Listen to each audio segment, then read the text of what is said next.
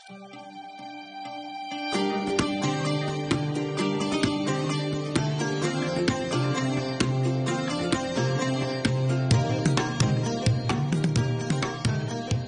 عليكم.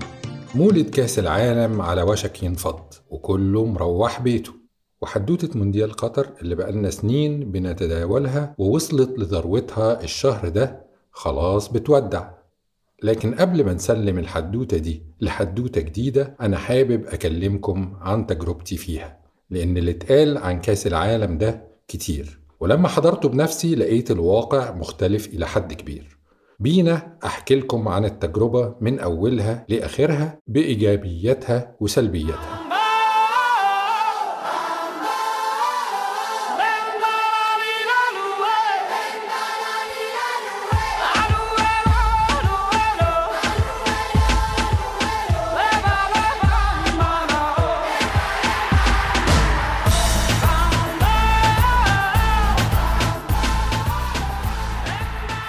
أول خطوة لو ناوي تروح كأس العالم تبقى إيه؟ طبعا تجيب تذاكر الماتشات. ودي كانت أول سلبية في البطولة. مش عارف الحقيقة المشكلة كانت من الفيفا ولا اللجنة المنظمة في قطر لكن غالبا من الفيفا. الفيفا بقاله قرب السنة بينزل تذاكر المباريات على مراحل وكان عامل زي مدخلين على الموقع مدخل للمقيمين في قطر ومدخل لباقي العالم. طبعا كان سهل جدا للمقيمين في قطر يجيبوا تذاكر الماتشات اللي عايزينها. المدخل العالمي بقى كان محتاج واحد قتيل كورة عشان يعرف يجيب له ولو تذكرة واحدة. تدخل الموقع يقول لك لما يجي دورك هندخلك. أقعد مستني بالساعة والساعتين والتلاتة علشان أدخل مفيش. أنام وأصحى. أروح الشغل وأرجع. برضه لسه دوري مجاش أدخل الحمام وأطلع. أخ دورك جه وما كنتش موجود يا معلم. سوري هتبتدي من الأول تاني. كانوا عايزين حد بايت قدام الموقع بالساعات عشان يلاقي تذاكر. في ناس قرايبي كانوا بيبدلوا في النوم بالليل عشان يعرفوا يجيبوا تذكرة.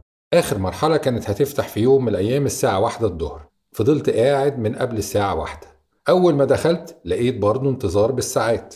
طبعا بعد كده اكتشفت إن في شركات سياحة كتير وناس بتوع سوق سودا اشتروا تذاكر وبيبيعوها بأضعاف سعرها بعد كده. طبعا علشان دول يدخلوا قبلينا ويجيبوا التذاكر من قبل حتى ما الموقع يفتح للناس دي محتاجة تظبيط مع ناس من جوه الفيفا. صديق مصري قال لي أنا أجيب لك أي تذاكر أنت عايزها عن طريق صديق تاني بيشتغل في شركة سياحة التذكرة بكام يا معلم؟ ب 2500 دولار للماتش الواحد 2500 دولار؟ 2500 دولار إيه بس يا عم؟ أنا أدفع 2500 دولار في ماتش كورة ايا كان؟ قال لي دي تذاكر في اي بي أصلها بالغدا غدا ولا عشاء مش دافع طبعا 2500 دولار في ماتش كورة حتى لو أحلى ماتش في تاريخ كرة القدم المهم من هنا وهناك في مواقع وفرت بعض التذاكر لبعض المباريات وقدرت على آخر لحظة أحجز تذكرتين لماتشين في دور ال 16 التذكرة الواحدة كانت بحوالي 270 دولار. آخر لحظة دي خلوا بالكم يعني قبل كأس العالم بشهر وشوية. تذاكر الطيران طبعا نار وكذلك الفنادق. المهم تكلفة الرحلة كلها طيران بفندق بتذاكر الماتشات حوالي 1500 دولار عشان أقعد 3 أيام أحضر فيهم ماتشين. تخيلوا بقى اللي عايز يقعد أسبوع أو اللي عايز يحضر ماتشات فريقه كلها. إحنا بنتكلم خلوا بالكم على ماتشات كورة مش رحلة سياحة. كنا بنسمع كتير عن مشجعي أمريكا الجنوبية ودول مجانين كورة. عشان يحضروا كأس العالم الواحد منهم ياخد قرض يقعد يسدد فيه لحد كأس العالم اللي بعده. بيبيعوا عربياتهم وعفش بيتهم عشان يحضروا كأس العالم. إحنا مش مجانين كورة زيهم لكن ده يبين قد إيه حضور كأس العالم مش في متناول الأغلبية الكاسحة من جمهور الكرة الحقيقي في العالم. ودي شكوى مزمنة يعني مش خاصة بمونديال قطر إنما دي في رأيي السلبية التانية بعد سلبية صعوبة الحصول على التذاكر. هيا هيا هيا. هيا هيا.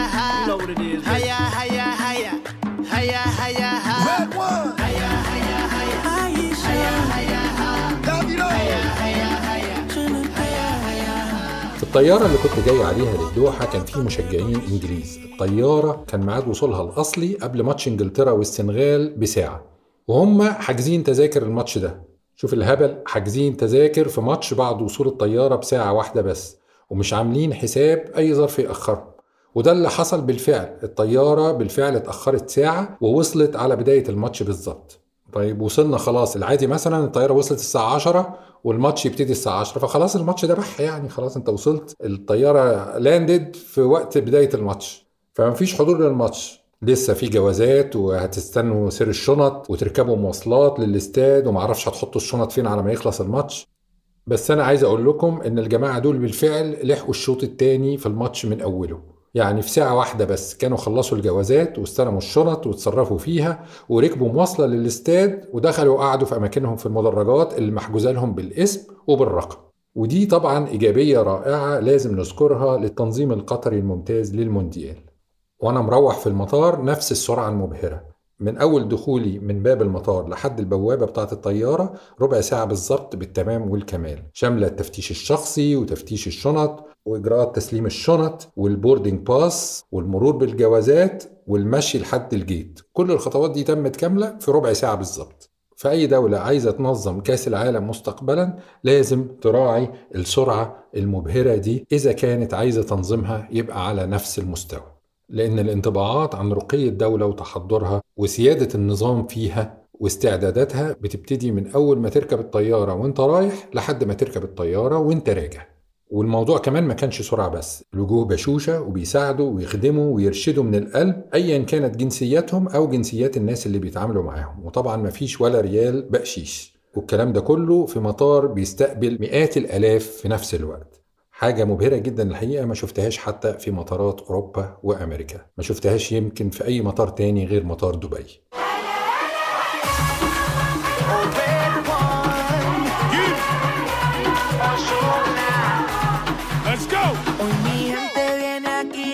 Celebrar. Todos nos vamos a quedar hasta el final. Digan si sienten el amor que quieren. ده طبعا ياخدنا بعد كده للمترو مترو منضبط جدا ونظيف ورايق ده طبيعي إلى حد كبير في مترو حديث التأسيس جدا وفي بلد تعداد سكانها قليل المترو ده اتعمل مخصوص عشان كأس العالم لكن في ثلاث نقط أنا عايز أذكرهم في كلامنا عن مترو الدوحة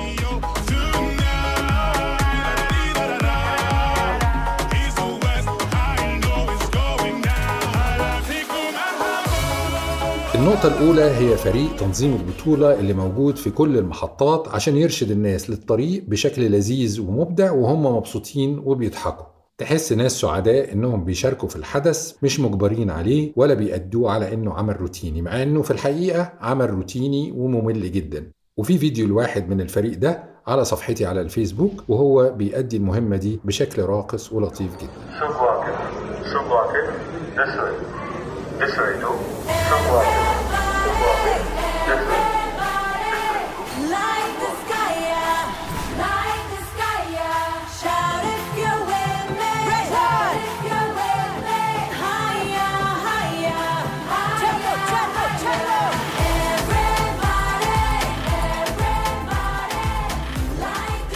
النقطة الثانية فيما يخص مترو الدوحة هي إن تكلفة إنشاؤه حوالي 60 مليار دولار. دول محسوبين من ال 220 مليار دولار اللي قطر اتكلفتهم في كأس العالم. فتكلفة كأس العالم مش كانت بس بنى استادات لا دي أقل حاجة في التكلفة كان بنى الاستادات. معظم التكلفة كانت في تأسيس بنية تحتية ومواصلات ومنشآت سياحية هتستمر الاستفادة منها بعد كأس العالم.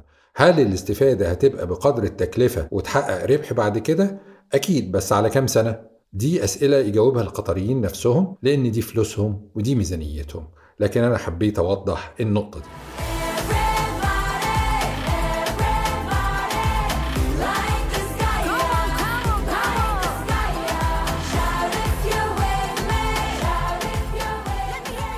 النقطة الثالثة ودي نقطة بحبها في دول الخليج كلها الحقيقة نقطة إنك توسد الأمر لأهله مش عيب إنك تستعين بأجنبي أمريكا نفسها وأوروبا بيعملوا كده. مش لازم تاخدك الشوفينية الكذابة وتدعي إن المواطن أو أهل البلد هم أكتر ناس بيفهموا وأحسن ناس بيعملوا كذا وأشطر ناس في المجال الفلاني وإن لازم المنتج بتاعك يبقى بأيادي وطنية. أنت عايز تنجح ولا عايز تتعنطز؟ لو عايز تنجح ابدأ من حيث انتهى الآخرون. في أكيد بلاد متقدمة عنك في أي مجال أنت جديد فيه. جيب أحسن واحد متمكن من المشروع ده وخليه يأسسه ويديره كمان وتعلم منه وبعد شوية تمسك كوادر وطنية. إنما تعكه من الأول وتقعد تلصم فيه وتجيب الخبير الأجنبي بعد كده يرقعهولك تبقى خربتها فمترو الدوحة ده والاستادات وتنظيم البطولة نفسه وغيره أسسوه خبراء أجانب وأداروه خبراء أجانب وده الصح.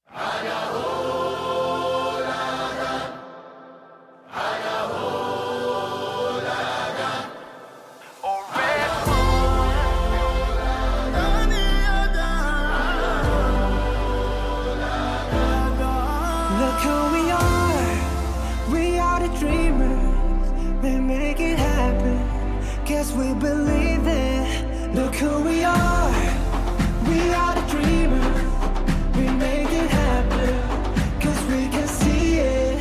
The one. طبعا لما رحت قطر ولفيت ما بين استادات وشوارع ومطاعم وأماكن سياحية ما لقيتش خالص الهري اللي اتنشر على ال social media ده بتاع الدعوة للإسلام لا في يفط في كل حتة بتعرف الناس بالإسلام ولا في مطبوعات بتتوزع ولا في مؤذنين اتغيروا وجابوا بدلهم مؤذنين تانيين أصواتهم حلوة ولا في ذاكر نايك واقف يدعو الأجانب للإسلام في الشارع ولا في خمسين ولا مية ولا ألف أسلموا. مدينة حلوة وجميلة ونظيفة ومنظمة لكن ما فيهاش أي مظاهر للإسلام غير صوت الأذان العادي في أوقاته الطبيعية. كون إن في واحد صحفي إنجليزي عجبه صوت الأذان وعلق عليه ده حاجة. والحكايات المفبركة والدعاية الكاذبة اللي انتشرت على النت إن قطر بتدعو للإسلام بشكل مباشر في المونديال حاجة تانية خالص ملهاش علاقة بالواقع. وأنا مش فاهم الحقيقة الناس اللي بتروج الافتكاسات دي إيه غرضها يعني؟ يعني ايا كان الهدف الساذج اللي بيتالف علشانه الأكاذيب دي ما هيتكشف في خلال أيام يعني ويتعرف إن هو ملوش أساس من الصحة. انت عندك يعني ال like وال share على الفيس والتويتر اهم من مصداقيتك قدام الناس. ما انت هتاخد like و share مرة وبعد كده الناس هتعرف ان انت كذاب وضلالي ومش هتجيلك تاني. مبروك يا عم عليك ال like وال share إذا كان هو ده هدفك.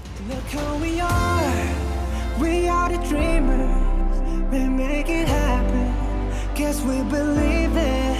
Look who we are.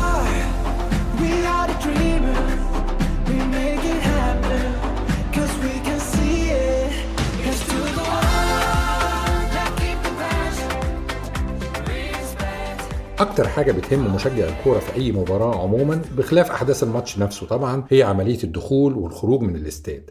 دخول الاستاد في كأس عالم قطر كان في منتهى اليسر والسهولة. مفيش أي انتظار أو طوابير كله إلكتروني في تطبيق هيا على الموبايل. محدد عليه رقم البوابة محدد عليه الدور اللي هتقعد فيه محدد البلوك اللي هتقعد فيه محدد رقم الكرسي اللي بتقعد فيه عمرك ما تروح تلاقي متطفل قاعد على كرسيك أو يقولوا لك أنت متأخر الأبواب قفلت خلاص حتى لو رحت في نص الماتش. وطبعا عمرك ما تلاقي حد معاه تذكرة مش عارف يدخل. الخروج بقى كان فيه فكرة لطيفة جدا رغم إن ما فيهاش أي تكنولوجيا. لمنع التكدس والتدافع هي فكرة مش جديدة مطبقة في المطارات وفي المسارح وأي مكان ممكن يحصل فيه تدافع أو تكدس. فكرة الزجزاج. المسافة بين باب الاستاد ومحطة المترو مثلا كيلو مشي. لكن انت في الحقيقة بتمشي بتاع 3 كيلو علشان توصل المحطة. المسار مش straight. في حواجز على شكل زجزاج بتطول السكة. تقعد تلف تلف. في مسارات متعرجة لحد ما توصل. فبدل مثلا ما 30 ألف واحد يبقوا ماشيين في مسافة كيلو يبقوا ماشيين في مسارات ممتدة لمسافة 3 كيلو مثلا. وقبل محطة المترو ب 200 متر تقريبا يوقفوك لمدة خمس دقايق مثلا على ما الناس اللي في المحطة يركبوا ويفضوا الزحمة. الفكرة دي حضرتها في استاد ويمبلي في لندن وفي كامب نو في برشلونة بس كانت متطبقة بشكل أدق في قطر. طبعا أنا ليا ذكريات أليمة لحضور المباريات في استاد القاهرة في مصر. ياما حصل تكدس وتدافع والعساكر طلعوا يجروا ورانا بالحصنة وياما اتمنعت من الدخول لأني مثلا رحت قبل الماتش بساعة ونص مش ساعتين وياما اتقال لي الاستاد اتملى على الآخر خلاص وملكش مكان رغم إن معايا تذكرة. وطبعا حادثة مشجعي الزمالك في استاد دار الدفاع الجوي مش بعيدة علينا.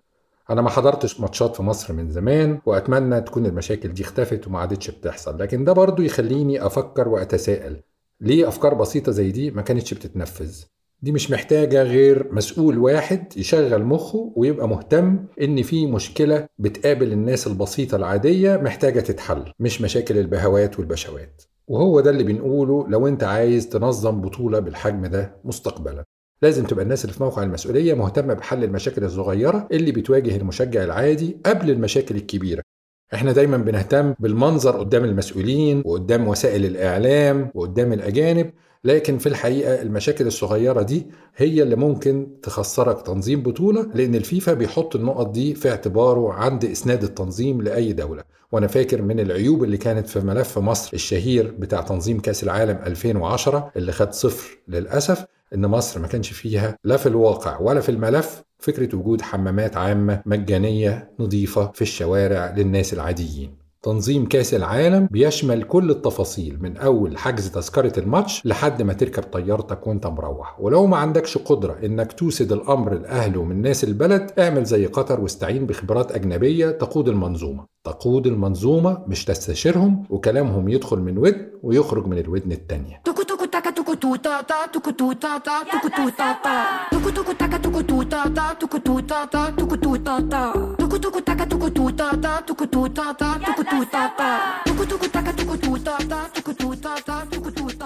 فيما يخص الخروج من الاستاد في سلبية هنا لازم أذكرها وكانت عند خروجي من استاد الجنوب بعد ما حضرت مباراة كرواتيا واليابان في دور ال16 استاد الجنوب ده بعيد شوية عن محطة المترو حوالي كده 6 كيلو. فهم مجهزين أتوبيسات تاخدك من محطة المترو للاستاد وبالعكس. وإحنا رايحين كان جميل جدا. أتوبيسات نظيفة جدا وراقية جدا بأعداد كبيرة مستنيانا الأتوبيس بيتحرك أول ما يتملي مفيش زحمة ولا تكدس ولا أي حاجة. وإحنا راجعين بقى وطالعين من باب الاستاد ما لقيتش أي حد بيدلنا ولا يفض بترشدنا الأتوبيسات واقفة فين. فأنا لقيت ناس ماشيين مشيت معاهم. طبعا دي غلطة مني برضو لأن أنا ما سألتش بس أنا قلت الناس دي كلها ماشية أكيد كلهم رايحين على مكان الأتوبيسات. فضلت ماشي ماشي وراهم أتاريهم رايحين على ال car park موقف انتظار السيارات طلعوا دول ناس جايين بعربياتهم وراكنين العربيات وخدوها ومشوا وأنا وقفت لوحدي مش لاقي حد يوديني ولا يجيبني. لقيت نفسي بعدت عن الاستاد already بمسافة كبيرة. ابتديت أسأل الناس اللي موجودين ما يعرفوش إزاي تاني أرجع لمكان الأتوبيسات. فضلت ماشي بقى في هاي واي طريق سريع طوالي لا في محطات أتوبيس ولا تاكسيات ولا أي حاجة. استطولت المسافة صراحة 6 كيلو لحد محطة المترو خصوصا إنه ما كانش واضح قوي الاتجاهات. فكلمت أختي وجوزها اللي مقيمين في قطر وجم خدوني بالعربية كتر خيرهم. يمكن دي السلبية الوحيدة في موضوع الدخول والخروج للاستاد وهي الحقيقة خطأ مشترك بيني وبين تنظيم البطولة بس حبيت أقولها عشان أبقى ذكرت كل الإيجابيات والسلبيات اللي أنا شفتها.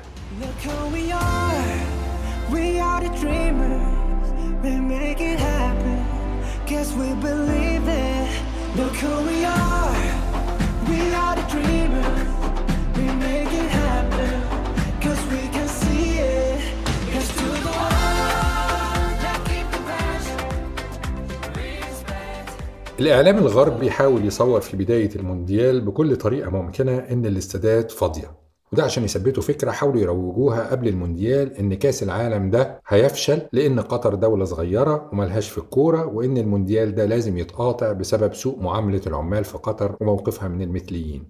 الغريب إن مفيش ولا فريق أي دولة من دول قاطع البطولة. اللي قال لك هنلبس arm band واللي قال لك هنلبس فانيلا سادة طب ما انت لو واخد موقف مبدئي فعلا قاطع إنما إزاي عايز تروح تلعب والجماهير تقاطع؟ طبعا ما حصلش كلام من ده الجمهور راح بكثافة عالية جدا والاستادات كانت مليانة على آخرها تقريبا حتى في ماتشات الفرق اللي ملهاش جمهور كبير. يعني مثلا أنا رحت ماتش كرواتيا واليابان وماتش سويسرا والبرتغال. ما هماش يعني البرازيل ولا الأرجنتين ولا فرق عربية. ومع ذلك الاستادات كانت مليانة بنسبة 90% تقريبا.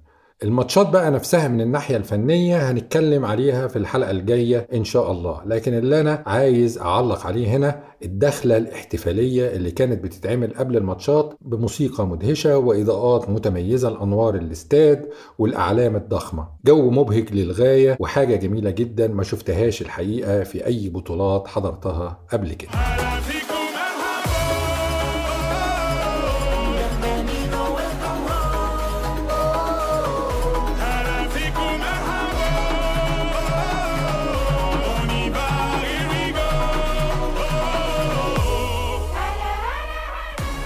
بصرف النظر عن حضوري المونديال أنا شفت ماتشات كأس العالم الحالي في أماكن عامة في ثلاث دول والناس اللي كانوا بيتفرجوا معايا تشكيلة جنسيات مختلفة.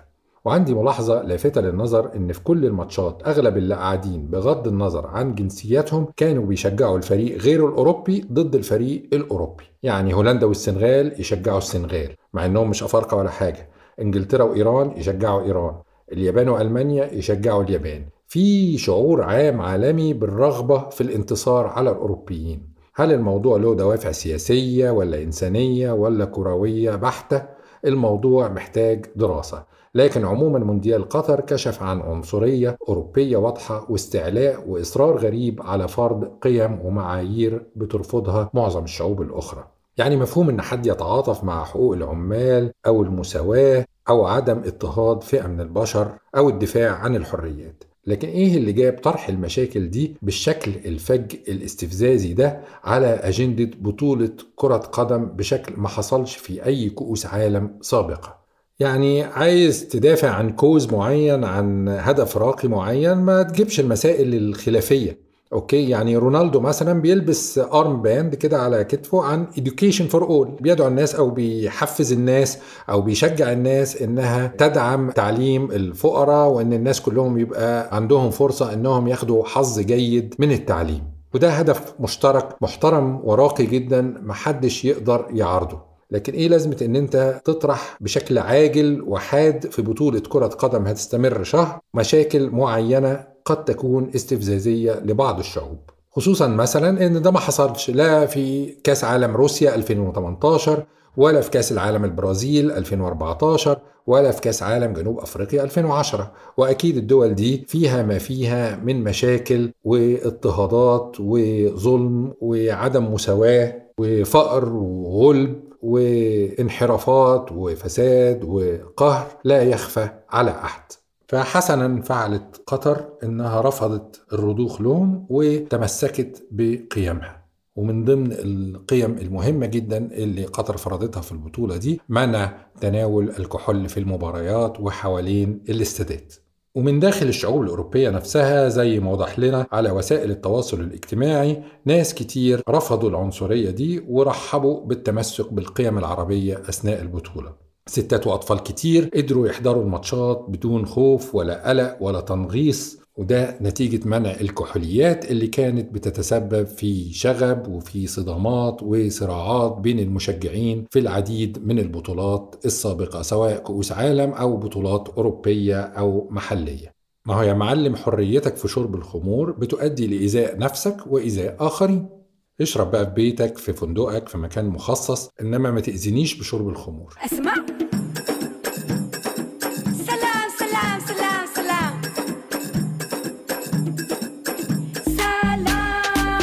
عليكم. الحب تهديكم وتحقق امانيكم إي إي. مونديال. توكو تاكا قبل ما أختم الحلقة في نقطة أخيرة عايز أذكرها خاصة بمونديال قطر. لا حصلت في كأس عالم قبله ولا هتحصل في كأس عالم قادم في المستقبل القريب. النقطة دي خاصة بمشاهدة جماهير ال 32 دولة في المترو في الشوارع وفي الأسواق وفي المطاعم وفي أماكن الترفيه. ده غير سهولة إن المتفرجين من كل الدول دي يحضروا أكبر عدد من الماتشات. وحتى في المطار. كرنفال وكوكتيل جميل من البهجة والأغاني والأهازيج والأزياء والألوان والأعلام والتعارف والصداقة والتقارب.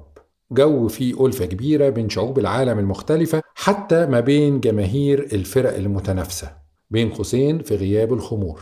اللي ساعد على كل ده إن الفرق مقيمة وبتتدرب وبتلعب في مدينة واحدة بس بينما في كؤوس العالم السابقة كانت المباريات بتقام في مدن متباعدة. عشان نتصور بس كأس العالم في روسيا سنة 2018 كان في مباريات مجموعة بتقام في مدينة على بعد 2000 كيلو من مباريات مجموعة في مدينة أخرى. ومجموعة ثالثة كانت مبارياتها بتقام في جزيرة في البحر. يعني لو حضرت هناك بالكتير هتشوف جمهور أربع فرق في نفس الوقت ومحتاج تتنقل مسافات كبيرة بمصاريف باهظة على حساب راحتك ووقتك وفي الآخر هتشوف عدد محدود من المباريات. وعدد محدود من جماهير الفرق الأخرى. كأس العالم اللي جاي إن شاء الله 2026 هيقام في ثلاث دول أمريكا وكندا والمكسيك. عشان تحضر مباريات لفرق مختلفة أو حتى لفريقك في أدوار مختلفة من البطولة محتاج تتنقل بالطيارة لدولة تانية ويمكن تحتاج ترجع الدولة الأولانية تاني عشان تكمل البطولة.